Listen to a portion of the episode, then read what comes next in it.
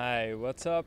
Bij deze, mijn naam is Pim Jansen en in deze video ga je leren hoe je de leiding neemt over je eigen leven. En wat bedoel ik met het principe van de leiding nemen? Als ik denk aan de leiding nemen over je eigen leven, dan denk ik aan de oorzaakkant gaan staan van je eigen leven. Want zo vaak wat er gebeurt is dat wanneer we niet tevreden zijn met het resultaat wat we op dit moment krijgen in ons leven, Wellicht dat we niet tevreden zijn met de relatie die we op dit moment hebben. Of met de gezondheid die we op dit moment hebben. Of wellicht met het werk wat je op dit moment doet. Of met het inkomen wat je op dit moment hebt. Wanneer we daar niet tevreden mee zijn, zijn we heel vaak geneigd om de oorzaak daarvan bij omstandigheden te leggen. Om te kijken naar andere mensen of omstandigheden waardoor we niet het resultaat hebben wat we willen. En soms is dat terecht, soms is dat minder terecht. Hè. Vaak is er toch wel binnen in jezelf echt wel een oorzaak te vinden. Uh, soms is het ook terecht. Hè. Sommige omstandigheden kun je niet voorzien als je plotseling ziek wordt of uh, als je ergens in een gebied woont en er vliegt plotseling een orkaan over en je huis wordt verwoest. Nou, hebben we daar gelukkig in Nederland niet zo heel veel risico op. Maar hè, er kunnen omstandigheden gebeuren buiten je eigen zone van invloed. Het eerste stuk is alleen wanneer we ons daarop focussen, wanneer we ons focussen op alles wat er gebeurt waar we zelf geen invloed op hebben, dan maken we onszelf eigenlijk machteloos. En hoe meer we focussen op datgene waar we geen invloed op hebben, hoe meer we zelf machteloos worden. want jij of ik, we hebben allemaal wel dingen waar we niet per se iets aan kunnen doen. ik zou zo meteen uh, naar het Sluis- en Instituut kunnen lopen en ik zou kunnen aangereden worden door een auto. Eh, en plotseling niet meer kunnen lopen. Er zijn allerlei dingen waar we niet per se iets aan kunnen doen. Alleen wat mij fascineert is dat mensen die heel inspirerend zijn en mensen die gigantische tegenslagen te verwerken hebben, maar alsnog doorgaan met hun leven, dat ze dat eigenlijk altijd doen door de controle, door de en aandacht te leggen op de dingen waar ze nog wel invloed op hebben.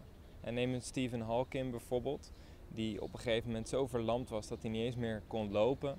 Maar toch nog tot in het einde van zijn leven gigantisch heeft genoten en nog heel veel heeft betekend voor de mensheid. Simpelweg omdat hij zijn aandacht stuurde naar datgene waar hij nog wel invloed op had.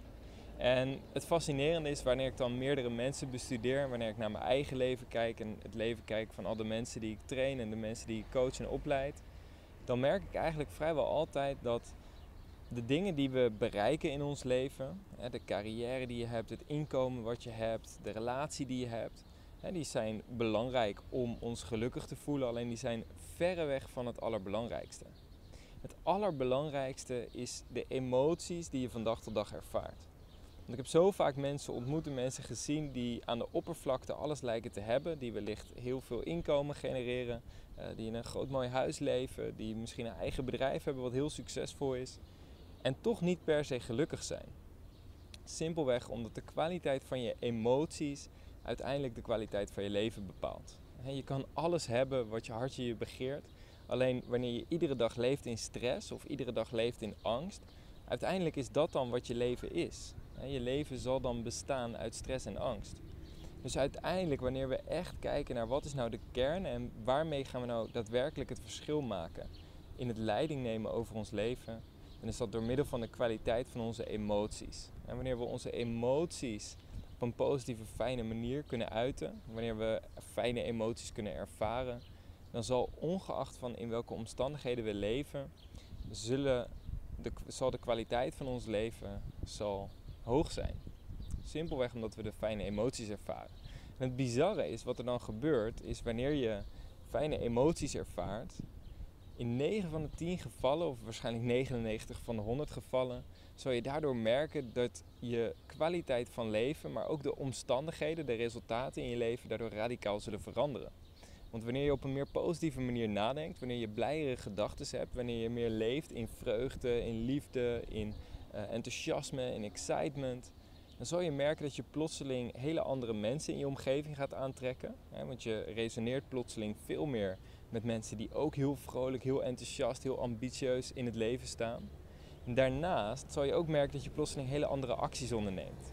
want wanneer je acties geïnspireerd worden door een gevoel van enthousiasme, dan komt er bijvoorbeeld plotseling veel meer creativiteit vrij. Waardoor je plotseling veel meer bezig gaat met: hé, hey, wat zou ik nog meer kunnen creëren?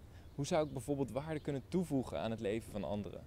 Waardoor je hele perspectief op het leven plotseling anders wordt en eigenlijk bijna vanzelf je meer, je meer resultaat genereert in je leven. Dus dat is kort mijn visie, mijn blik op het leiding nemen over je eigen leven en het meer aan de oorzaakkant gaan staan van je leven. Uiteraard kunnen we het hier nog uitgebreid over hebben en ik zal er ongetwijfeld ooit nog eens een lange video over maken. Maar bij deze voor vandaag wilde ik je met deze boodschap de dag insturen en een stukje inspireren. Dus we zien elkaar snel en heel veel plezier, heel veel succes vandaag en in je leven. En ciao!